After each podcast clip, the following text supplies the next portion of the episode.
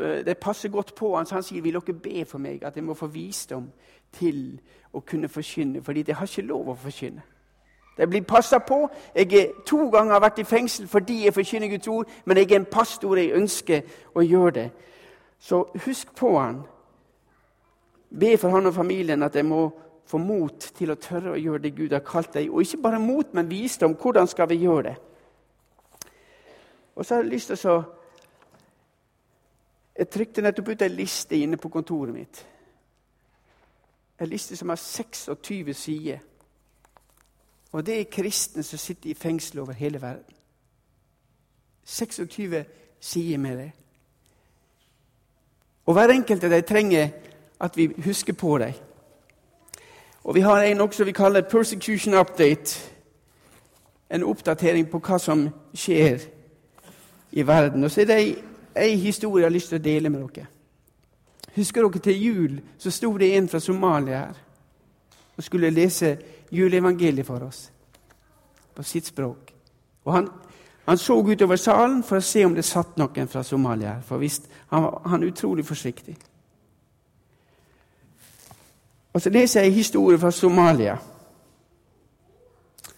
Ei jente som heter Nurta Mohammed Farad. 17 år gammel. Så fant hun Jesus. Da familien fant ut at hun hadde blitt en kristen, så, så, så banka de henne kraftig opp. Og så bandt de henne til tre ute i hagen. Og så klarte Njurta å flykte. Men den 25. november så ble hun skutt og drept som et æresdrap fordi hun hadde vendt, vendt islam ryggen. Og så tenker jeg som så Hva nå?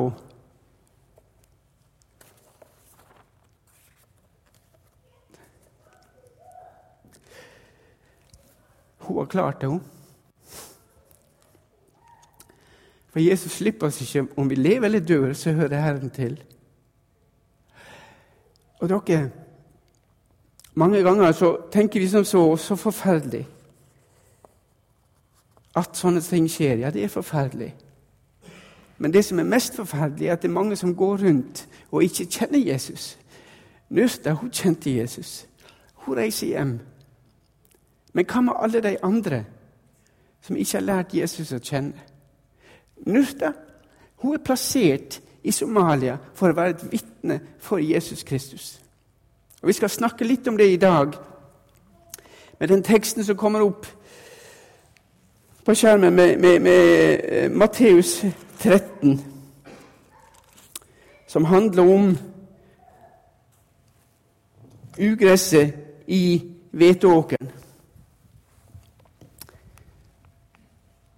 Og Jeg skal lese teksten med dere. Jeg har ikke fått frem det bildet som jeg har på skjermen. Jeg, har, jeg, jeg fikk bilde, fikk tak i et bilde av en kornåker, men det kommer ikke frem her. Nå håper vi bare at denne fjernkontrollen virker, men hvis ikke den virker, så, så skifter de der nede hos oss. Men vi kan få frem teksten.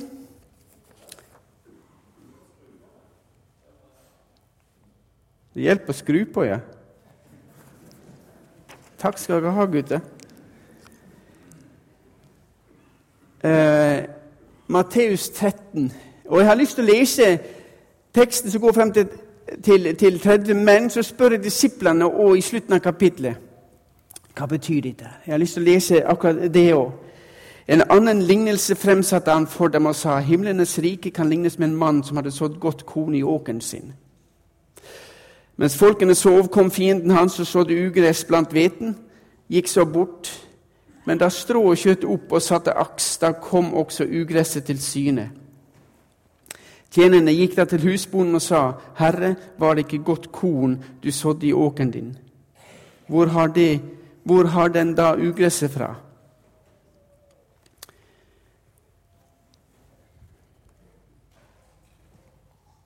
Han sa til dem, Dette har en fiende gjort. Da spurte tjeneren han, 'Vil du at vi skal gå og sanke det sammen?' Han sa nei. for da ville dere også komme til å rive opp hveten når dere sanker ugresset sammen. La dem begge vokse sammen til høsten. Når det så er tid for innhøstning, vil jeg si til høstefolkene, sank først ugresset sammen, bind det i bunter for å brenne det, men hveten skal dere samle i låven min.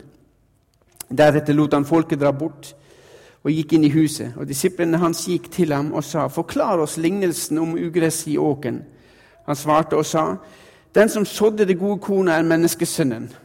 Åken er verden, og det gode kornet er rikets barn. Ugresset er den ondes barn, og fienden som sådde det, er djevelen. Høsten er enden på denne tidsalder. Høstefolkene er engler. Like som ugresset blir sanket sammen og opprent med ild, slik skal det gå ved enden på denne tidsalder. Menneskesønnen skal sende ut sine engler, og de skal sanke ut av hans rike alt som volder anstøt, og de som lever i lovløshet. Og de skal kaste dem i ildovnen, der skal de gråte og skjære tenner. Da skal de rettferdige skinne som solen i sin fars rike. Den som har ører, han hører. Uh, et spørsmål som mange stiller seg når vi leser dette, her, og som vi som mennesker Når kom det onde inn i verden? Og hvordan kan vi bli kvitt det onde? Og Hvis dere leser Salme 37, så får dere en salme som får snakke om de rettferdige og om de urettferdige og hvordan det skal gå deg. Salme 37 med 40 vers eh, er egentlig en kjempeflott salme. I Salme 37 så finner vi også den kristne normaltemperaturen, som er 37,5. Dere visste at vi ligger en halv grad over de andre. 37,5 Sett din vei i Herrens ånd og stol på Han. Han skal gjøre det. Det er et av de versene som jeg elsker, fordi det er sant.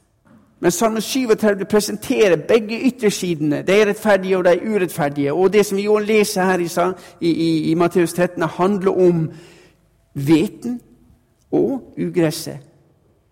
Der hveten skal samles i låven, og der ugresset skal brennes. Jesus han gir oss svar på begge disse to spørsmålene i denne historien her. Og...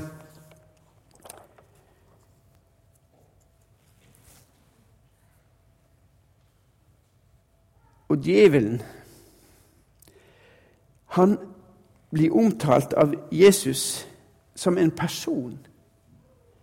Og veldig ofte så blir ikke djevelen omtalt som en person. I den frie verden, eller i vår del av verden, så er det slik at når jeg går på eh, gata f.eks. i Oslo eller her i Stavanger, så stopper en tilfeldig person som sier 'Tror du på Satan?'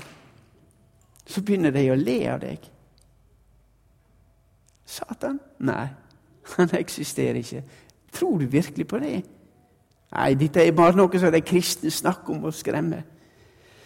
Så reiser du til Afrika til sammen med folk som ikke har utdannelse. Og så spør du dem tror du på Satan, og så ler de av deg. Hvordan kan du være så dum og spørre et så dumt spørsmål? Selvfølgelig finnes han. Og det er han vi må blidgjøre for å få fred. Så Satan han går rundt som en lysets engel her hos oss. Og han går rundt som en brølende løve i mange, mange andre land. Og jeg tror at hans strategi som en lysets engel er mer vellykka enn det som er brølende løve. For hvis du ser hvor vekkelsen går i dag, så er det i de landene hvor han går som en brølende løve, mens her hvor han går som en lysets engel, her ser det veldig stille.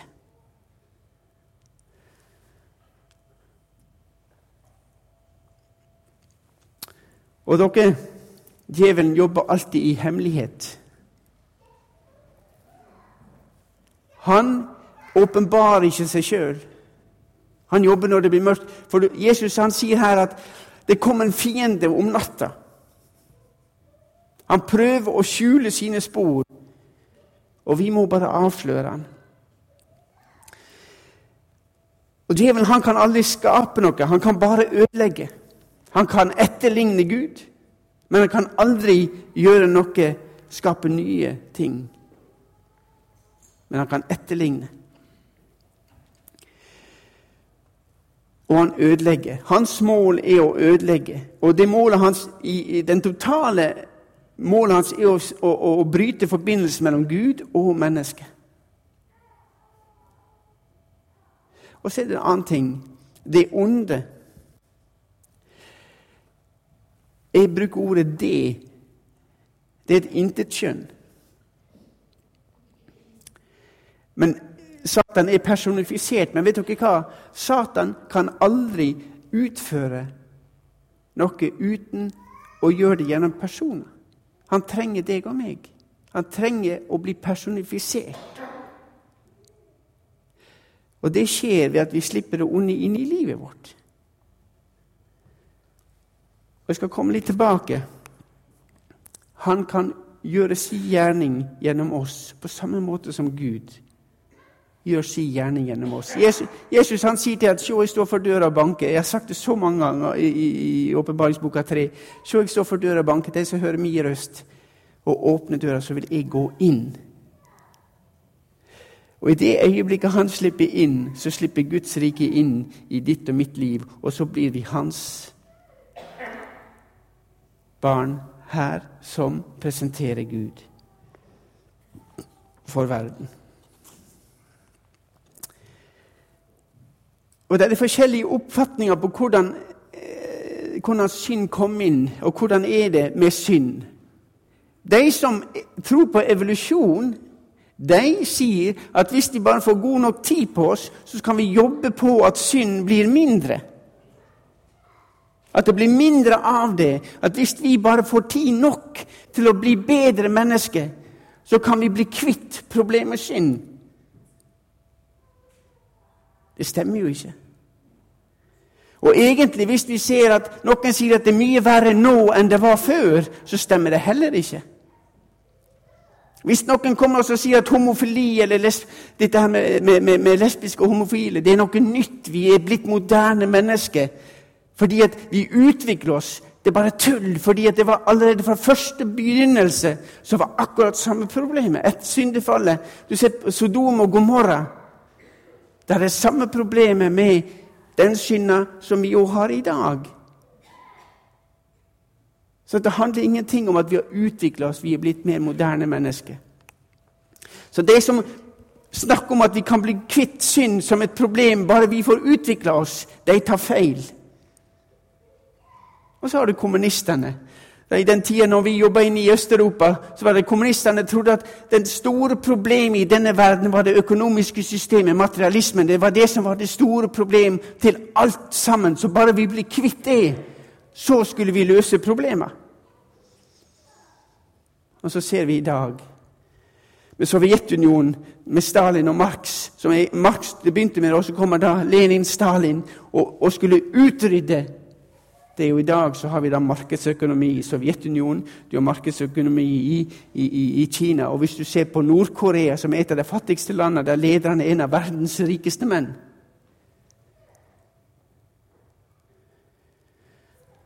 Så vi som mennesker vi er alltid opptatt av å, å binde til hvordan kan vi løse dette her.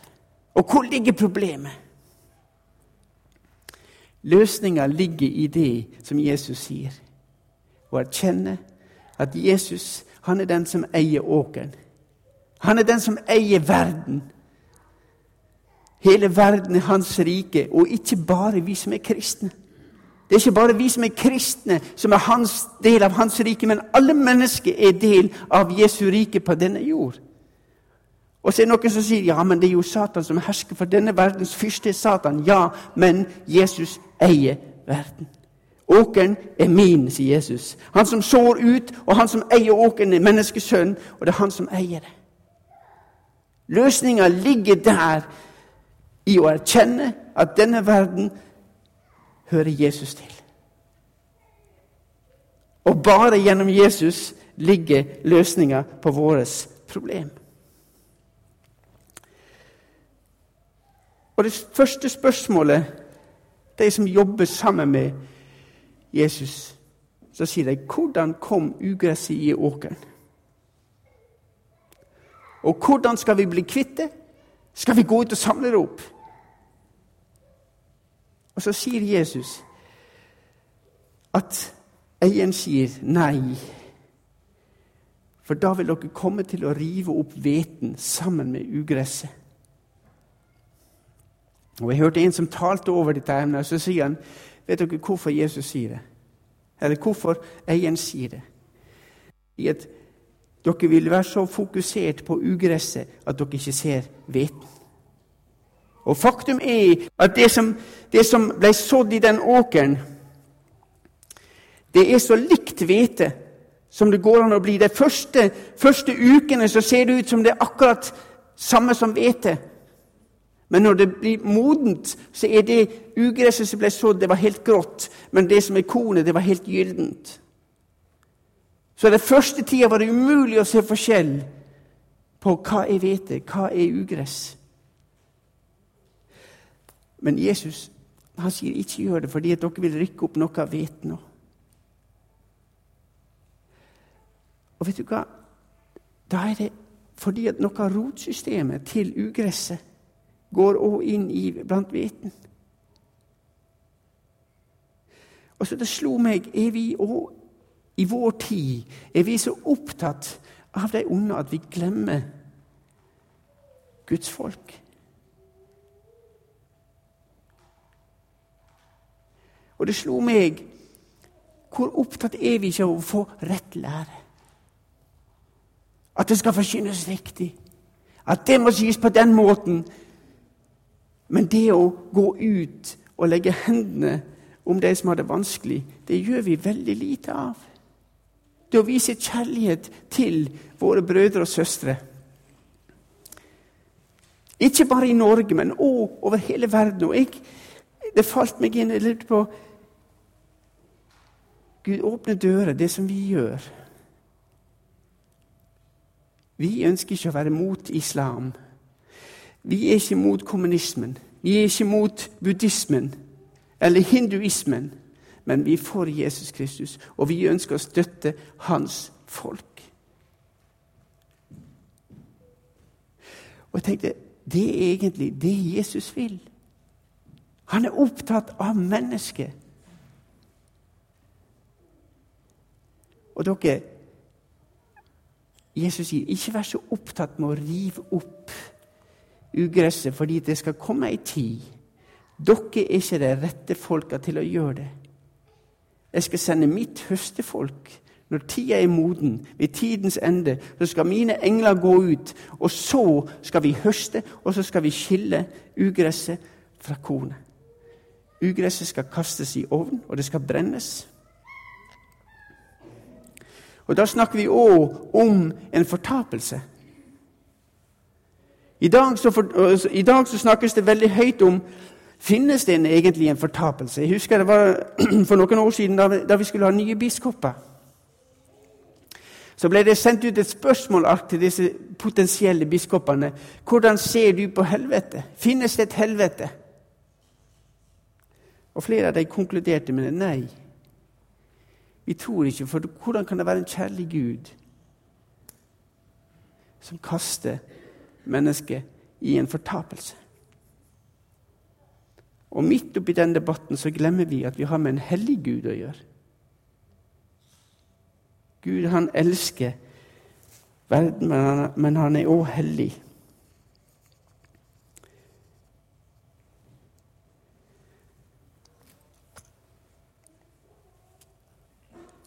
Og når jeg sier at vi ikke skal være så opptatt av ugresset, være så opptatt av det onde, så betyr ikke det at vi skal slippe det onde inn i livet vårt. Vi skal avsløre synda, og vi skal holde den vekk fra oss. Men ikke prøve å utrydde den. For det tar Gud seg av ved denne verdens ende. Da, da er den tid kommet at synda skal utryddes. Det skal tas et oppgjør.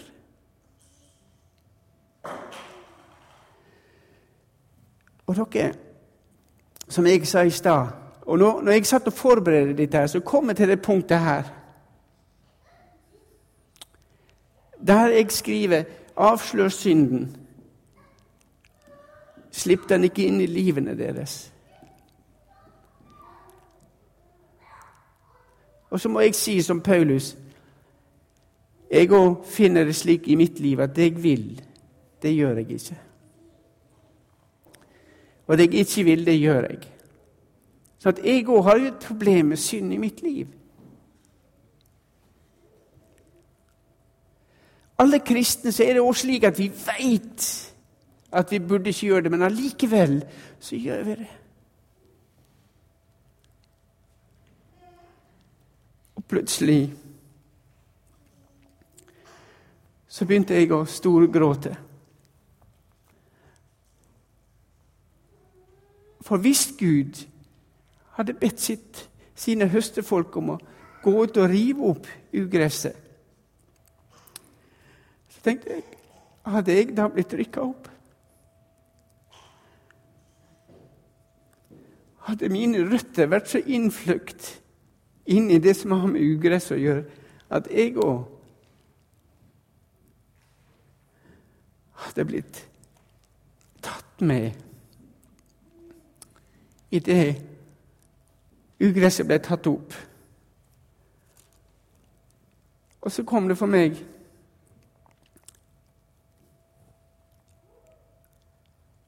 at jeg sa takk, Gud, at ikke du rykker opp ugresset.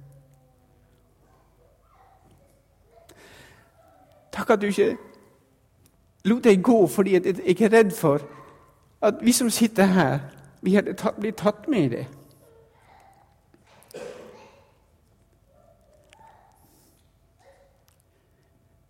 Jesus han har tilgitt oss, og Jesus han elsker oss. Og for Gud er vi hellige. Men så lenge vi er på denne jorda, her, så har vi det problemet som Paulus også snakker om. Synd er en del av oss. Vår gamle natur er her. Og det blir vi ikke kvitt før vi får legge det av oss. Før vi en dag får løsrive sjela vår fra det som binder oss her nede. Det som gir, gir oss problem, sykdom, syndige tanker. Og i det et øyeblikk et menneske dør, så får de lov å legge det av seg. Og For meg ble det veldig sterkt. og jeg, jeg, nevner det gang på gang. Men jeg så Berit, eller kroppen til Berit lå i kista, så tenkte jeg Berit, nå er du fri. Og hvordan kan jeg si det? Jo, fordi at Guds ord sier det. Guds ord sier det. Vi skal settes i frihet. Og jeg gleder meg til den dagen. Jeg aner ikke hvordan det skal bli. Men jeg gleder meg til den dagen da jeg får lov å bli fri. Og det som Jesus sier, jeg skal sende ut mitt høstefolk og skal skille ugresset fra hveten. Og så skal jeg ta hveten og så skal jeg ta det inn i min, i min låve. Et annet sted. Hm. Et annet sted. Og vi skal få lov å være sammen med Gud. Og for meg så blir det òg en sånn ny tanke, dette her, at vi er ikke satt her til å ta et oppgjør med eller oppgjør med det onde og få fjerna det onde fra denne jorda her. Hvis vi ser på Malaki, siste, siste kapittel, som også var skrevet 400 år før, før den nytestamentlige tid, så skriver Malakia for se, dagen kommer, den brenner som en ovn. Da skal alle overmodige og hver den som gjør ondt, være som halm. Og dagen som, som kommer, skal sette dem i brann, sier Herren, herskarens Gud, så, de ikke, så, den ikke levner dem rot eller grein. Her snakker Malaki om akkurat det samme som Jesus snakker om når han sier at når tidenes ende kommer, så skal vi bunte det sammen og vi skal kaste det på ilden. Og Jødene hadde akkurat den samme forventninga. Når når du, da ser 400 år etterpå det Malakia skriver, så kommer Johannes, og så sier Johannes om Jesus da han ser skal presentere Jesus, så sier han han, altså menneskesønnen, har sin kastesjovel i hånden for å rense sin treskeplass og samle hveten i, i låven. Men agnene skal han brenne opp med uslokkelig ild.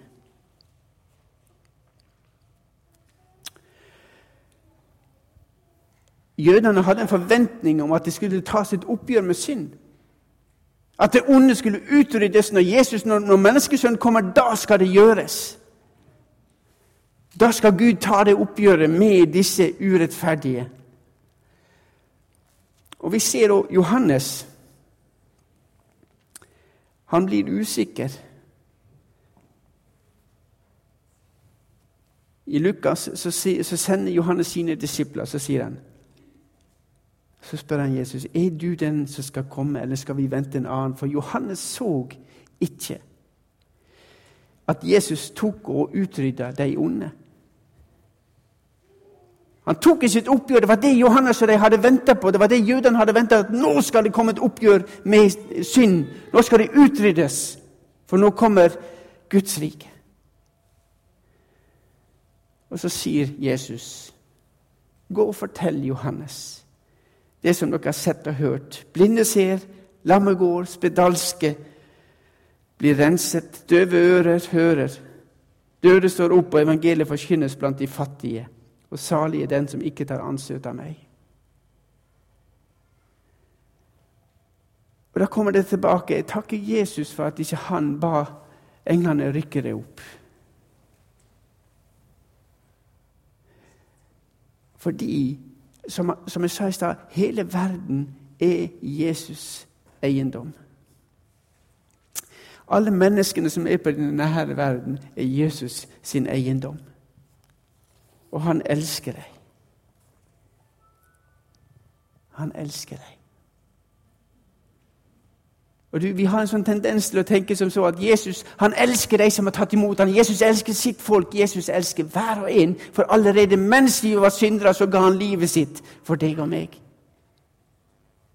Allerede før jeg var født, så visste Jesus at Ole klarer ikke seg uten meg. Jeg er nødt til å gi livet mitt for Ole. For Han kommer ikke til å klare å oppfylle det som jeg, min Gud forventer.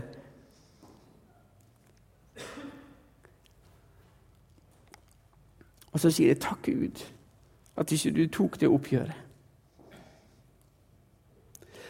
For det er et under som kan skje, og det er at ugresset kan bli forvandla til hvete. Og Jesus han ønsker så stor høst som bare mulig. Og hvis Gud hadde tatt et oppgjør med synd og rykka opp hveten, så hadde vi ikke hatt Nikki Cruise Nikki Cruise var en bandeleder borte i USA som hata mennesker, som elska å slåss. Men så møtte han Jesus. Njål Ugland, som var en av lederne for sykkelgjengen borte i, Sandnes.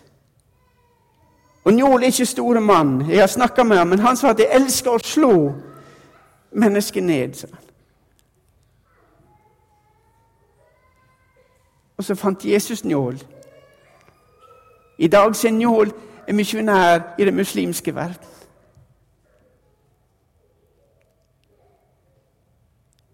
Og så har vi, har vi MBB-ene, Muslim Background Believers. Mennesker som kommer til tro i dag. Som blir forvandla fra det å være et ugress til å bli hvete hans, slik at Jesus sin høst blir så stor som mulig. Det er derfor Jesus sier, 'Ikke rykk det opp for jeg ønsker en så stor høst som mulig.' Jeg vil ikke miste noen. Og Hvis vi da går videre i kapitlet, han snakker om Guds rike, så får du lignelsen den, den skjulte skatten og den kostbare perla. Og For meg så gir det òg mening med det jeg sier. at, ser dere det? Mange kristne snakker om at den, den, den eh, skjulte skatten og den kostbare perla, det er vi som skal oppdage det. Det er vi som skal gi alt for å få tak i det. Ja, vi burde gi mye for å få tak i Jesus, men du, den, den skjulte skatten, det er du. Den kostbare perla er du. Og handelsmannen er Jesus Kristus. Han solgte alt for å få tak i den ene verdifulle perla. Og det er du og det står det at han, Han fant en skjult skatt i åkeren. Og en som sa det, ja, Hvorfor gikk ikke han bare og kjøpte en liten del av åkeren der han hadde funnet skatten? Fordi at skatten var i hele åkeren. Samme hvor han satte ned, satt ned spaden, så fant han skatt. Og du, Sånn er det. Hvert eneste menneske er en skatt.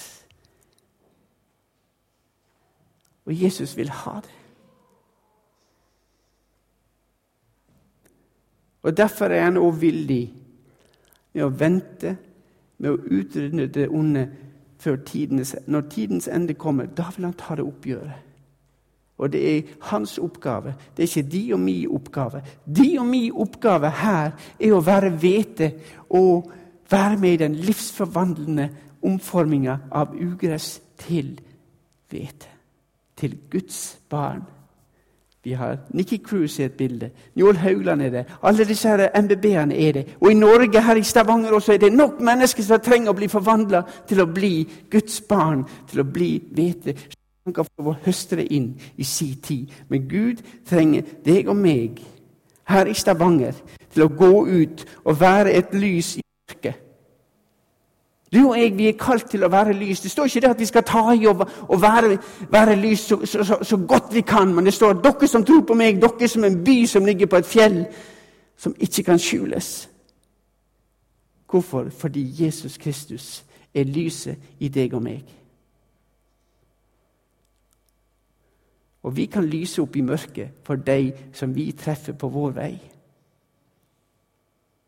Slik at de får lov å oppleve det at de er en skatt i Guds øyne. De er høyt elska, de er betalt, og de er fri. Og de kan bli settes i frihet fra det ondes regime. Og komme over i hans regime, Guds regime, og være elska. Jeg takker og priser deg, Herre Jesus, for at du er så tålmodig med oss. Takk at du har ikke bedt oss gå ut og ta et oppgjør med det onde, men du har bedt oss ta et oppgjør med oss sjøl, med å holde oss vekk ifra det, Herre Jesus. La ikke det onde komme inn i livet vårt, så vi ber om, og vi takker og vi priser Herre Far, for at vi kan få lov å be om hjelp. Takk, takk for at vi kan få lov å bruke ditt navn når vi fristes. Takk at du har sagt i ditt ord at det er ingen av oss som har møtt fristelse som vi ikke kan stå imot. Jesus, hjelp du oss til å holde oss nær inntil deg. Og Jeg takker og priser deg, far, for at vi kan få lov å be for alle de her i Stavanger, her på Store, som ennå ikke har funnet deg, Jesus. Jesus, vil du bruke oss her i Salem til å være med og peke på deg, til å være med og lokke folk inn til ditt rike, til å vise deg den veien inn til deg, at de er elsket av deg, at du har kjøpt deg fri, og at du eier deg. Jesus, vi ber for Stavanger. Vi takker og vi priser deg ikke bare for Stavanger, men også for hele verden, for ditt folk, at du er med deg at du er med deg i Usbekistan. Takk for Dimitri som er fri, Jesus. Vi ber for at du må være med deg, Jesus. Og så vet du om familien til Nutria, Herre Jesus, som tok livet av henne. Herre Jesus, må du komme dit med din Hellige Ånd og kalle på deg. Må du med din Hellige Ånd åpenbare deg at Nutria hadde fått noe mye, mye mer og fått sett noe som ikke de hadde sett. Gud, vi ber for deg. La deg få lov å komme inn og lære deg å kjenne. Vi ber for Egypt, Herre Far. Gud, må du si nåde til deg og si nåde til ditt folk som er der nede. Må du gi dem visdom, Herre Jesus. Takk for at mange mange går på kne. Takk for at mange der nede ber. Tar du vare på ditt folk i Jesu navn. Amen.